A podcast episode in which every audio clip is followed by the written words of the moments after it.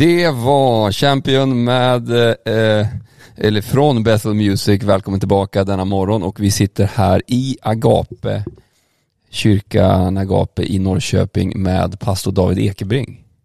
Brink. Det stämmer, Ja. Ekerbring. Ekerbring, just det. Superkul att ni är här grabbar, varmt välkomna Ja, tack för att vi får vara här. Tack för att vi var här och- Grymt! Helt fantastiskt. Ja. Vi, vi sitter alltså på scenen, det, ni lyssnare har ju inte, ser ju inte det, men det kommer, gå in på Instagram kommer ni se det sen. Eh, så. Eh, men väldigt kul att vara här alltså. Mm. Och det, sen, är det är kul att vi sitter på scenen. Eller hur? Liksom, det är inte det man tänker sig. Vi åker till kyrkan och spelar in en podd, ingen kommer se något. Vi sätter oss i källaren, men vi sitter på scenen. ja, vi sitter på scenen och eh, vi, eh, nej, men vi har gjort det förr, vi har suttit i Philadelphia kyrkan ja, på ja scenen. visst. Ja men ni Så är att- så erfarna att, på så det. vi har, det är lite vår grej och nu är Ja. vi då på Hope Morgon Tour, Ja. som vi kallar det. Oh. I, ikväll här så ska eh, eh, Karl Oskar predika Mm. på ert ungdomsmöte. Underbart, Och vi har intervjuat eh, lite folk i din kyrka, i er kyrka. superkul. Ehm, och eh, det är väldigt kul att vara, liksom, se en sån härlig kyrka. Ja, men Fräscht, ja men väldigt fräscht här. Så är du i Norrköping, eh, lyssnare, eh, åk in till Agape Norrköping.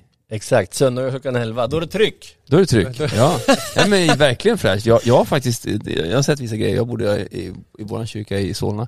Mm. Så att, eh, ja. Eh, Men du David, eh, Ja. hur länge har du varit pastor här? Eh, det är sju år efter, eh, ja efter sommaren är det sju år sedan jag tog över som föreståndare och pastor här då. Jag var faktiskt här en sjuårsperiod för längre sedan när jag var yngre och såg och lärde lite.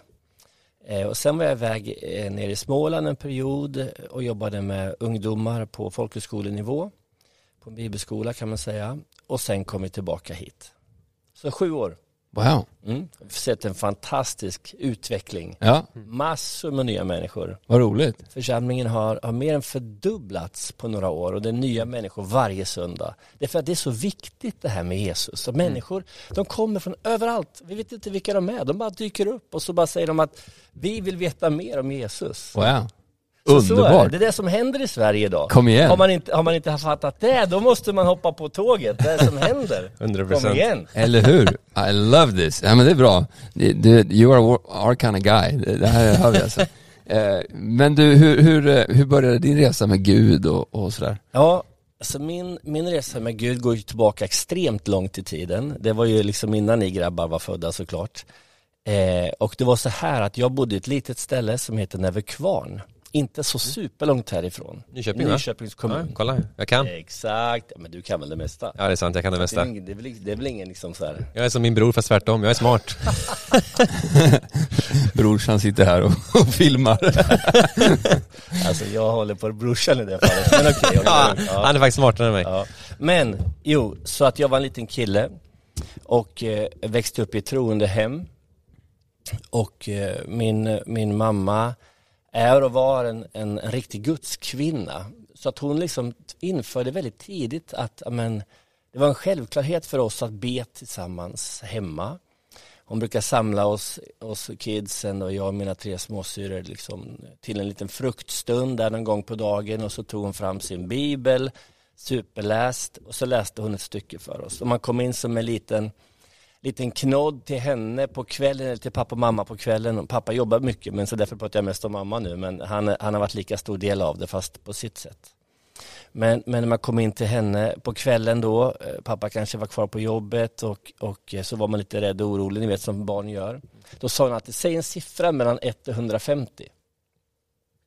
Ja, då fick, drog man till med något då. Ja, 90.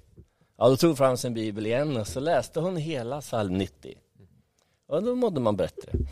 Eh, då sa man 150, då var det psalm 150, ni fattar grejen. Ja.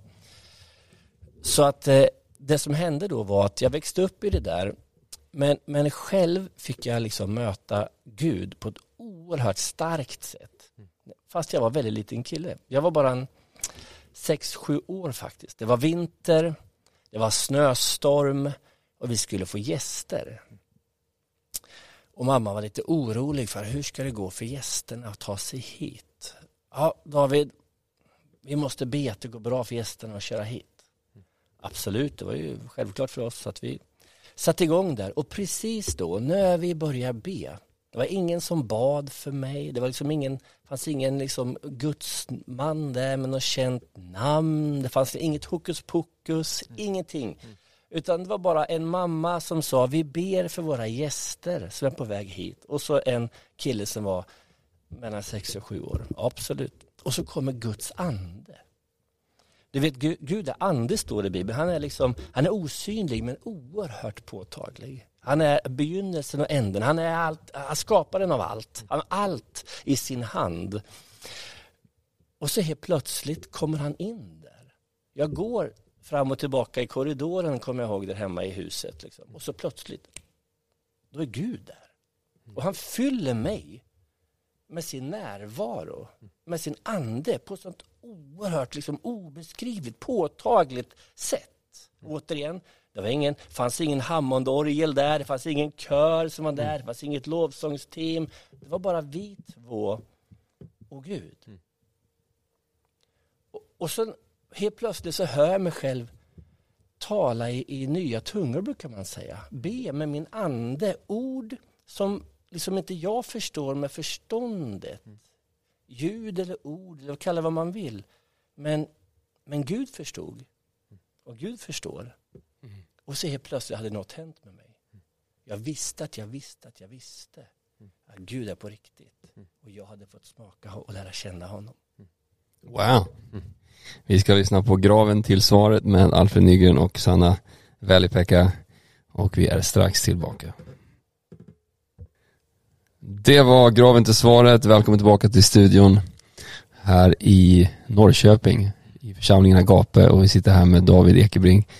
Och eh, wow, vilken cool story. Du blev frälst sådär. Mm. Bara helt, Helt utan att någon hade planerat det. ja. Helt, ut, Gud bara klev in. ja, Han var den enda som visste om det innan. helt utan Hammondorgel till och med. Helt utan Hammondorgel, helt utan kören i kåporna. Det var bara jag och mamma där i snöstormen hemma. Wow, och du som i- har missat, eh, inte hörde den här storyn, du får gå in och, och lyssna på vår, vår podd eh, Hope Morgon på Spotify. Där kommer vi lägga ut eh, hela den här intervjun. Men vad, vad fick det här betyda för dig sen då? Jo men det, för mig blev det så att jag tyckte att det där var så härligt. Jag tyckte det var så, och tycker att det är så otroligt härligt att uppleva att man är nära Gud. För att det är liksom på riktigt. Va? Gud är inte bara liksom något, i något mål långt borta och man liksom är, kan inte ha kontakt utan jag älskar att känna att Gud är här nu. Det är på riktigt. Jag kan nästan liksom ta på hans osynliga närvaro. Och jag bara känner, vi kallar, vi, vi kyrkliga, vi kallar det för, för Guds närvaro eller Guds smörjelse. Och det där lärde jag känna och jag, lärde, jag älskade det. Så redan då, jag fick mitt första trumset ungefär samtidigt. Eh, så jag gick ner i kyrkan och så satt jag själv i kyrkan, slog upp lovsångshäftet i kyrkan och så satt jag, tog fram en mikrofon till trumsetet tänkte nu ska det höras. och det var inga andra musiker, det var ingen kör, det var ingenting. Det var jag och mitt trumset. Och Gud. Och så lärde jag mig att om jag bara kliver in liksom i det osynliga, i mitt medvetande, nära Gud, då kommer Gud nära mig. Så jag kunde sitta där och trumma som, så frenetiskt. Och sjunga lovsång till Gud och koppla på mitt hjärta och Gud var nära. En liten kille, du kan ju tänka själv hur det lät. Det kan ju inte ha låtit vackert och ändå var det som att Gud gillade det där. Ja. För han kom nära. Hur gammal sa du att du var när detta hände ungefär? Då är jag fortfarande nu innan tioårsåldern, när, jag, när jag började med det här. Och sen fortsatte det där. Jag, jag upptäckte att jag behövde inte, behövde inte alltid trumma heller. Jag kunde gå ut i skogen också. Och så kunde jag vara för mig själv i skogen och prisa Herren. Sjunga till Herren. Och jag tyckte det var så härligt för att där kunde man liksom vara lite för sig själv och ingen som behövde lyssna på hur det lät. Eller liksom. och, och då upptäckte jag att jag kan möta Gud där. Ibland drog jag ner till havet eh, vid klipporna alldeles själv och ibland var jag tillsammans med kompisarna i kyrkan. Så startade vi ett rockband med det fantastiska namnet Fighting Spirit. Come on. Och, och vi bara kände att yes, nu tar vi över. Ja. gjorde vi aldrig. Det blev inte så mycket med det. Men vi hade en, en enda regel. Det var att varje gång innan vi repar så ska vi be tillsammans. Och det var ju fruktansvärt pinsamt i början att smågrabbar liksom ska sätta själva utan någon vuxen, utan någon ledare så bara, ja men innan vi övar så ska vi be. Och så var någon som började fnittra, någon fes, ni vet allt som händer i den där åldrarna. Va? Det kunde ta en timme innan man bara kom igång, men snälla kan vi bara be nu då? Och så bad vi en bön och så kunde vi öva. Men de där enkla grejerna skapar någonting i oss. Eh, och i mig. Eh, och, och när jag var typ 14 då sa de i den där lilla kyrkan att "Ja, men David nu får du hjälpa till att ta hand om ungdomarna här i kyrkan. Tillsammans med någon av de äldre ungdomarna. Liksom. Ja, då gjorde vi det. Och så bara träffades vi i bad och hade det härligt. Så jag lärde känna Gud och älska Gud tidigt. Enskilt och tillsammans med andra. Så så började det. Eh, Okej, nu undrar jag lite den här fighting spirit då. Mm. Eh, inte just kanske bandet, men eh, hur har liksom, för att då sen då växa upp eh, in i tonåren, jag kan tänka mig att det behövdes ganska mycket fighting spirit. Absolut. Eh, Så var det ju. När på min högstadieskola i, i Nyköping så var det ju så att det var ganska ensamt att tro på Gud bitvis. Jag hade ju kompisarna i kyrkan men, men de var ju inte, de var inte där då liksom. Och eh, på den tiden var det också ganska modernt att inte bara eh, vara var kristen utan att faktiskt vara satanist också om ni kommer ihåg något. Det. Så det fanns några tuffa killar på min skola som tyckte att de var satanister. så att vi, det var, vi var överens om väldigt många saker faktiskt men, men de skulle kaxa sig lite sådär. Så det var väldigt mycket utsatt. Liksom. Ah, Jesus, de kallar mig för Jesus då. Ja Jesus, har du en tro? Ja, jag har en tro. Så varje rast nästan. Ja Jesus, har du en tro eller? Ja absolut, jag har en tro. eh, och, och sådär. Så att så, så och där, där krävdes ju lite fighting spirit. Ja. Och det var där som det var så viktigt för mig att, att jag inte bara liksom gick på mina föräldrars tro eller på pastorn i kyrkans tro eller på någon annans upplevelse av Gud utan jag hade min egen upplevelse. Och, och jag visste, jag hade ju lärt känna honom, jag visste att jag visste att jag visste att han var där och jag visste hur jag kunde koppla in i närvaron också där. Och det var liksom det som gjorde att jag började liksom be inte bara när det kändes gött utan mera liksom regelbundet. För jag kände att ja, men jag behöver ladda upp för den här skoldagen. Här kommer jag, jag kommer möta lite grejer idag. Det är bäst jag ber innan. Och det hjälpte mig att, att komma igång med det också. Men, men så är det. Ja. Eh, vi ska lyssna på Raddle heter den, tror jag. Säger man så? Raddle, tror jag. Tror jag säkert. Elevation Worship. Eh, jag vet inte vad det betyder riktigt, men det är en bra låt tror jag. Så här kommer den. Den är lite fighting spirit på den. Bra. Så här kommer den. Välkommen tillbaka. Det var Rattle med Elevation Worship och eh, vi sitter i Agape eh, Norrköping med pastor David och eh, jag har fått höra lite om liksom, hur du har gått med Gud och, eller hur du började gå med Gud och, och, eh, men du valde att bli pastor sen. Mm. Du är ju pastor i den här kyrkan då. Ehm, hur kommer det sig att du gick in i det? Jo men det kom, det kom ganska tidigt när jag lärde känna Herren. Så redan som liten kille så sa jag att när jag blir stor då ska jag liksom predika om Jesus och spela trummor.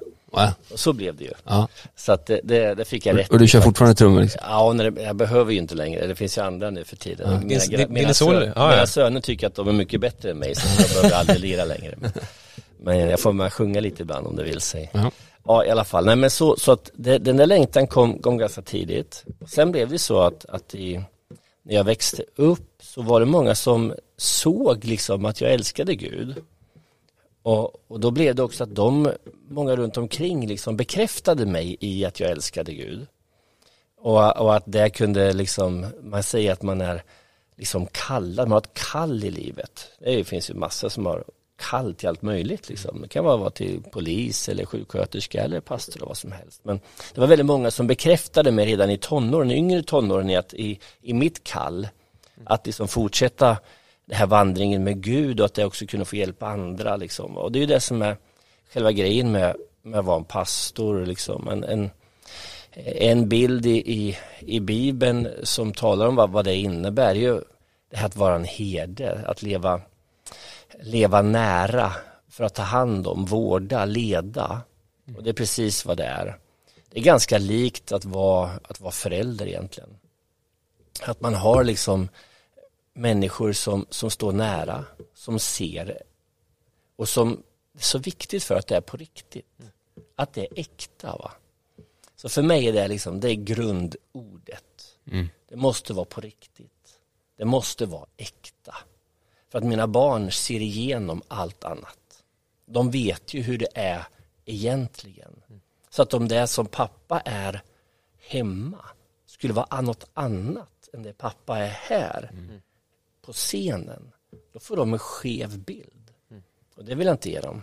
Så det måste vara på riktigt, det måste vara äkta. Det betyder inte att det måste vara perfekt.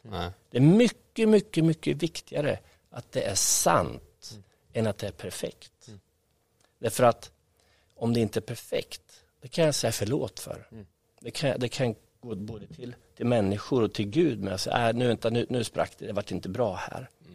Men det måste vara sant. Det måste vara äkta. Om mina barn ska tro på mig. Och de är liksom första församlingen, de är närmaste liksom. Eh, och jag är jättetacksam för att våra barn, alla liksom älskar Gud och går med Gud och har fantastiska ungdomsledare eh, här i kyrkan verkligen som, som verkligen bara boostar det livet. Men det måste vara på riktigt. Och samma sak är det att vara pastor. Det betyder att leva ganska transparent inför människor och säga låt oss vandra tillsammans närmare Gud. Jag är, är, är inte perfekt och du är inte perfekt men vi kan vandra tillsammans närmare Herren. Det handlar väldigt mycket om att liksom inspirera till Guds liv, inspirera till utveckling, inspirera till att ta tag i att gå vidare. Liksom, va? En enkel bild man skulle kunna ta, förr i tiden så, för några år sedan, så var det en del som tänkte att, att ledarskap kanske var att vara lite av en stjärna på en scen.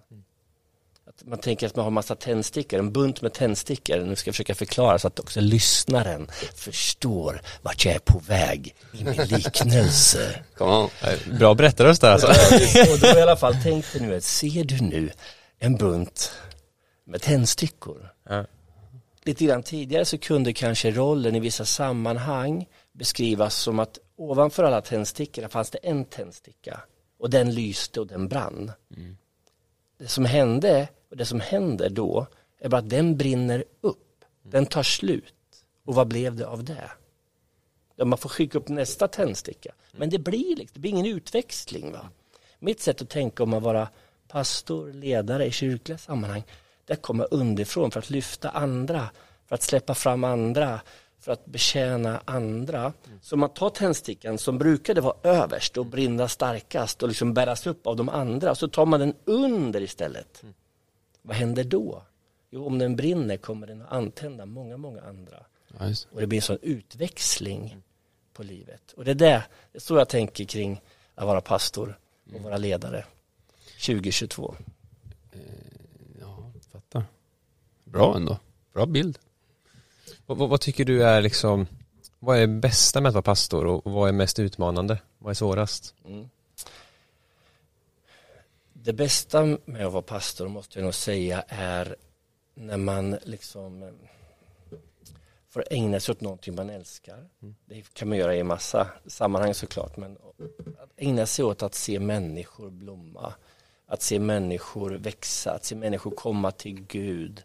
När människor väljer att gå dopets väg exempelvis. Eller när, när jag ser andra, jag ser unga, när jag ser mina unga ledare växa i ledarskap, när jag ser dem göra bra val i livet, när jag ser att, att det blir att det växer och blir fler, att jag ser att de, de mognar som människor, då, då känner jag en, en djup, djup glädje och tillfredsställelse.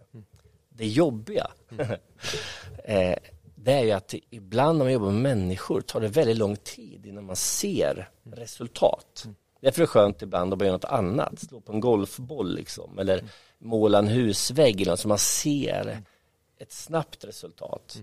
För att jobba med människor och utveckling tar ofta lång tid och ibland är det lite grann av två steg bak, ett fram, tre bak, tre fram. Alltså det är lite omväxlande sådär.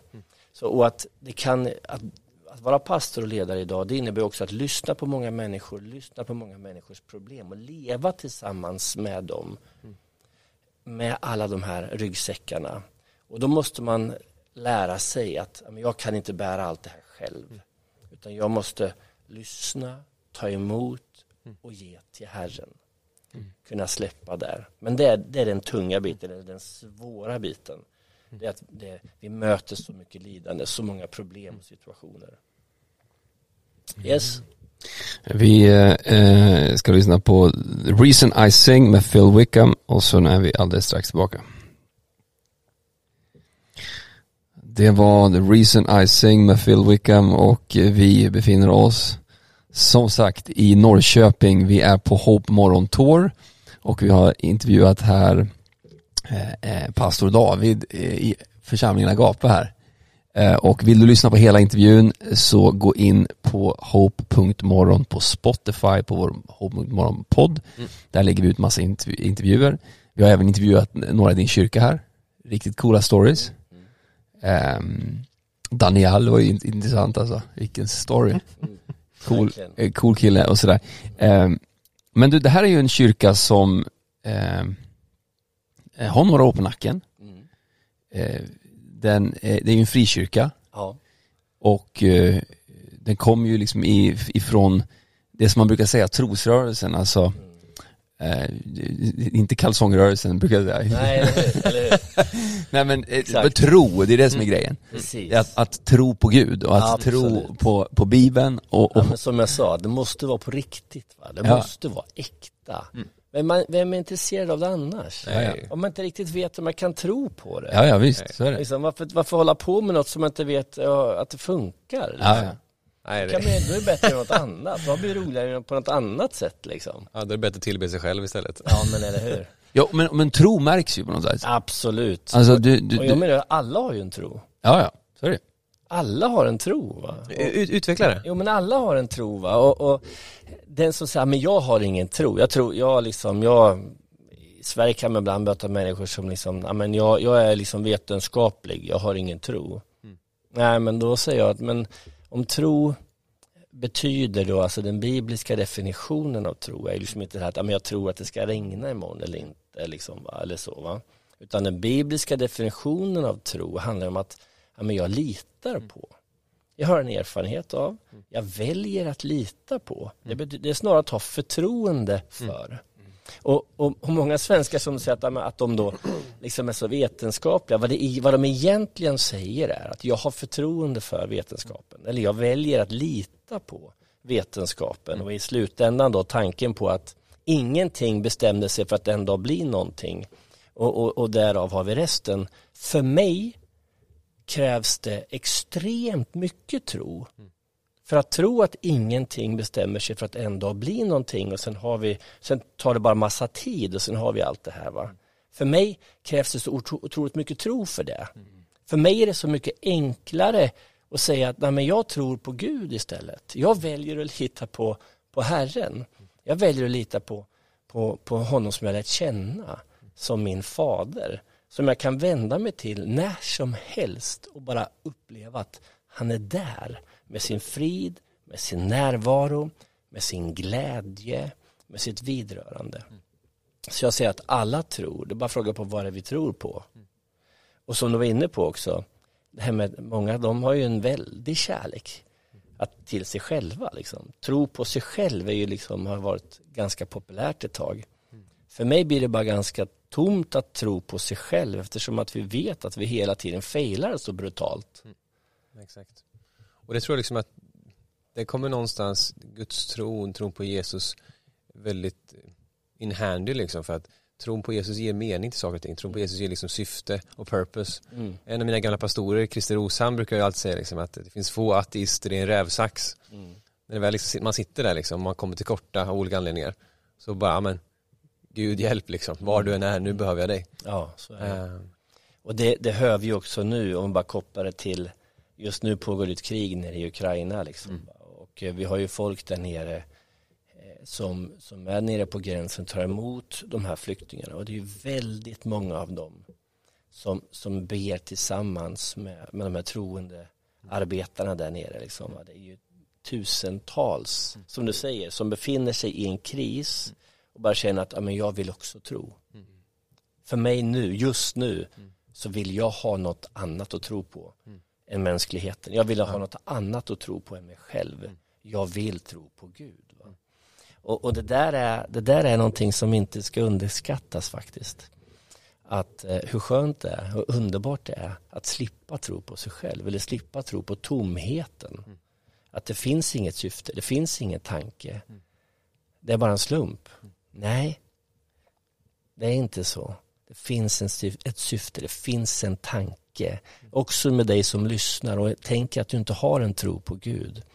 Du ska veta det att Gud har tänkt på dig för länge, länge sedan. Gud tänkte på dig och han har en absolut en tanke, att syften har en plan. Inte bara med dig, utan med alla oss andra också naturligtvis. Men inte minst dig, kom ihåg det. Ja, och sen, sen, eh, det är verkligen så och jag tror att Får man tala direkt till lyssnaren? Kom igen, det får man. Jag har så svårt att inte vilja klocka på, plocka på min radioröst här alltså. Ja, ja, ja. Jag är så Du, grymt du skulle taggad. kunna jobba med någon sån här, du vet så här, sån här film, vad heter det, sån här filmintro eller Absolut. filmtrailer. Jag har gjort sådana grejer. Du har gjort det? Ja, ja, absolut. Ja, men det, Är det sant? Så det är här? en riktig basstämma på. Ja, ja.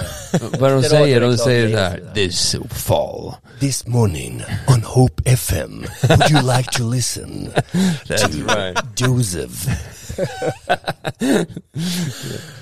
ja, men vad var det du ville fråga? Det är underbart. Eh, Du har en bra radioröst och jag har bra radioansikte har jag. Så det, That's right, nej.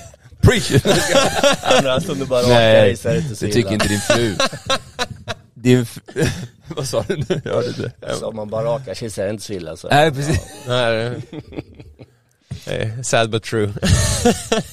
Nej men det är bra. Eh, vad jag skulle säga, vad var det jag skulle säga? Det var någonting. Eh, Prata om att tro. Precis, om att tro eh, och att eh, eh, det handlar ju, många människor de, de det är lite Sverige, eller i Sverige kan man tycka upp att man tror på sin egen tro. Mm, mm. Att det är det någonstans som blir det viktiga. Liksom, just så här, det. vad, vad hittar du på att tro på? Ja, Och så ska du tro på din egen tro. Mm. Och sen, nej men jag, och så hittar man på så här, men jag tror det här och det här och det här och det här och så låter väl det okej och sen så ska jag bara liksom försöka matcha mitt liv till det. Mm. Eh, så här, och jag, jag, jag gör en podd som jag kallar för Varför då? Där jag intervjuar alla möjliga olika människor och försöker liksom komma ner till så här, varför tror du det du tror? Och varför tycker du det du tycker och gör det du gör liksom? Eh, för att även om du inte har en tro på Jesus så tror du som sagt på någonting. Absolut. Och, och då är det så här, och den stora frågan är så här, varför gör du det? Eh, liksom. Är det för att du har suttit där och bara, ah, men jag kom på det här liksom. om, om det är så, då bara hjälp. Alltså. Mm. Om du har kommit på det du tror på, Ja, eh, då, är det, då hjälp liksom. då, då har man bra självförtroende. Ja, extremt. Eh, Snacka om, och, vara- och, och sen så tycker du att någon annan är narcissist liksom. Men du har kommit på hur världen skapades och allting fun- funkar och, och varför du är som du är och alla andra är som de är och, och sådär liksom. Och så, så väljer man ut så här, ja men jag tror Jesus, på Jesus lite där och sen så tror jag på, på vetenskapen lite här och så tror jag på lite eh, men någonstans komma ner till varför tror du det du tror på? Intressant. Och det, alltså den kristna tron är ju inte En podd nära dig. That's right. Nej men den kristna tron är ju inte att säga, åh nu har ju vi kommit på det här. Eh, det är ju så. Nej, nej men så är det vi, vi, vi har inte kommit på Gud enligt vårt sätt att tro och tänka utan det finns en bok, det finns en urkund som är gammal och där många människor har upplevt Gud, lärt känna Gud på olika sätt under lång tid och beskrivit det. Och, och vi tror till och med att det är Gud som liksom beskriver allting igenom den boken. Och vi kan lära känna honom också genom boken så att säga. Va? Så det är verkligen inte vi som, som liksom sitter på, på rummet och hittar på någonting. Nej. Utan det finns någonting att luta sig mot. Men, men sen också då som vi har varit inne på idag, man kan faktiskt lära känna. Man kan be en enkel bön och uppleva att wow, något händer. Jag yes. möter någon. Och då är det inte längre jag som, som liksom har hittat på något, utan då är det någonting utanför mig, mm. mm. utanför skapelsen, utanför tid och rum, mm. som jag faktiskt stöter på. Yeah. Wow, och får en erfarenhet. Och, då, och där krävs ju inte så mycket tro. Nej, alltså, nej. Där, där krävs det ju bara det är därför Bibeln säger att har du tro som ett senapskorn så Exakt. kan du flytta berg. För att om du bara tar den här lilla, bara säger Jesus liksom. Ja. Så det är liksom, du, du, Mm. så kan någonting hända. Absolut. Det är bara att välja och lita på liksom. Men du, vi ska ha lite musik och sen så vill vi